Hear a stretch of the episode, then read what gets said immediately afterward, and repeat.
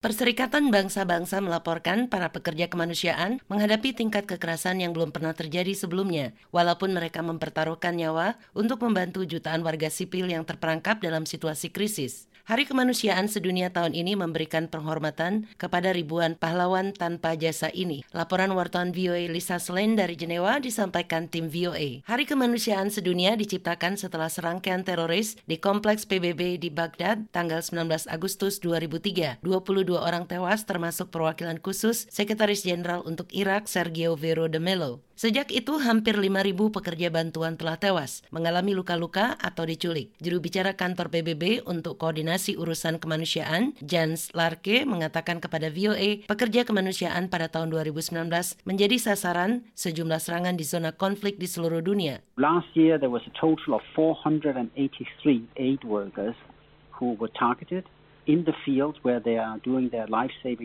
Tahun lalu ada 483 pekerja bantuan yang menjadi sasaran ketika mereka melakukan tugas penyelamatan. 125 di antaranya terbunuh saat menjalankan tugas dan jumlah yang sama diculik serta banyak lagi yang mengalami luka-luka. PBB melaporkan sebagian besar serangan terjadi di Suriah diikuti oleh Sudan Selatan, Republik Demokratik Kongo, Afghanistan, dan Republik Afrika Tengah. Larki mengatakan setiap kali pekerja bantuan menjadi sasaran, hal itu berimbas pada populasi yang mereka bantu. The vast majority of aid workers on the front lines, those aid workers that we are calling the real heroes of the day, are nationals of the country where they work.